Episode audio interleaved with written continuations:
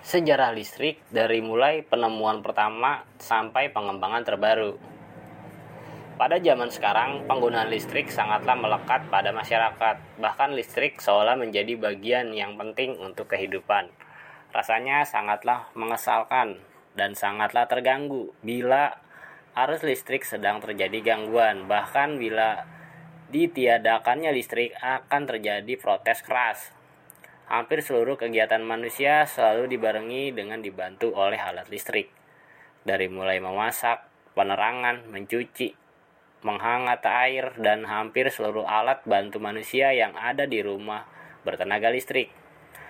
Bila saya sebut energi listrik adalah energi yang sangat penting bagi manusia, rasanya sangatlah benar karena memang terbukti dengan kebutuhan listrik pada masyarakat. Kenapa bisa sangat dibutuhkan? Tentu karena mudahnya mengkonversi energi listrik menjadi berbagai energi lain seperti energi mekanik, suhu kimia, dan cahaya. Nah, pada kesempatan kali ini saya akan membahas mengenai sejak kapan sih pendistribusian mulai dilakukan sehingga listrik dapat dijangkau oleh masyarakat luas. Sejarah penemuan listrik. Mari bernostalgia sejak pada waktu SD. Pernahkah teman-teman mempelajari tentang penggaris yang digosok-gosok satu arah pada benda lain dan kemudian ditempelkan ke kertas kecil sehingga kertas kecil tersebut menempel. Tahukah kamu bahwa itu adalah awal sejarah dimulainya penelitian tentang energi listrik. Sejarah penemuan listrik diawali oleh Thales antara 640 sampai dengan 540 Masehi. Seorang cendikiawan dari Yunani, penggosokan elektron atau dalam bahasa Yunaninya batu ambar dengan kain wol sehingga benda yang ringan di dekatnya mendekat bahkan menempel biasa dilakukan oleh beliau. Namun Thales belum mengetahui kenapa demikian. Selanjutnya diteruskan penelitian tentang gaya gerak dari batu ambar tersebut oleh seorang peneliti berkebangsaan Inggris bernama William Gilbert tahun 1733 yang menyebut peristiwa Thales di atas adalah elektrik yang diambil dari kata Yunani elektron atau batu ambar.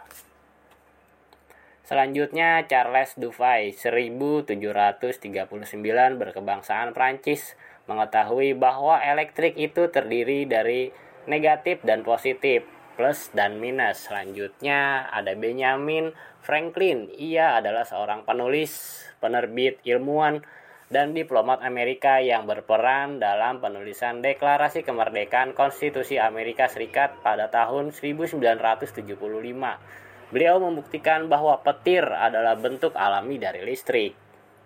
Pada tahun 1975, Franklin melakukan percobaan ketika itu Franklin menerbangkan layang-layang dengan kunci besi di bawahnya. Ketika petir menyambar, percikan kecil menyambar kunci dan melompat ke pergelangan tangannya. Selanjutnya, Alessandro Volta pada tahun 1800 berpendapat bahwa listrik itu seperti air dan berarti listrik itu sangat berguna karena mempunyai tenaga sehingga pada akhirnya ia dapat membuat baterai sebagai sumber energi listrik. Pada saat itu, tumpukan volta yang terbuat dari lempengan tipis lembaga, tembaga, dan seng dipisahkan dengan kar karton lembab dengan cara ini, jenis listrik baru ditemukan. Volta menunjukkan bahwa listrik dapat dibuat untuk perjalanan, untuk perjalanan dari satu titik ke titik tempat lain dengan kawat. Selanjutnya ada Michael Far Faraday yang sangat tertarik dengan dan terus meneliti jenis listrik magnet atau yang biasa disebut elektromagnetik. Jika listrik dapat menghasilkan magnet, sebagaimana percobaan pertama, kenapa magnet tidak dapat menghasilkan listrik? Pada tahun 1831, Faraday mempunyai solusi bahwa listrik dapat menghasilkan melalui magnet dan perak. Faraday menemukan bahwa ketika magnet dipindahkan di dalam gulungan kawat tembaga, Sebuah arus listrik kecil dapat mengalir melalui kawat sehingga muncullah dinamo pembangkit listrik atau juga bisa disebut generator listrik meskipun baru mampu menghasilkan listrik kecil dan berarus DC.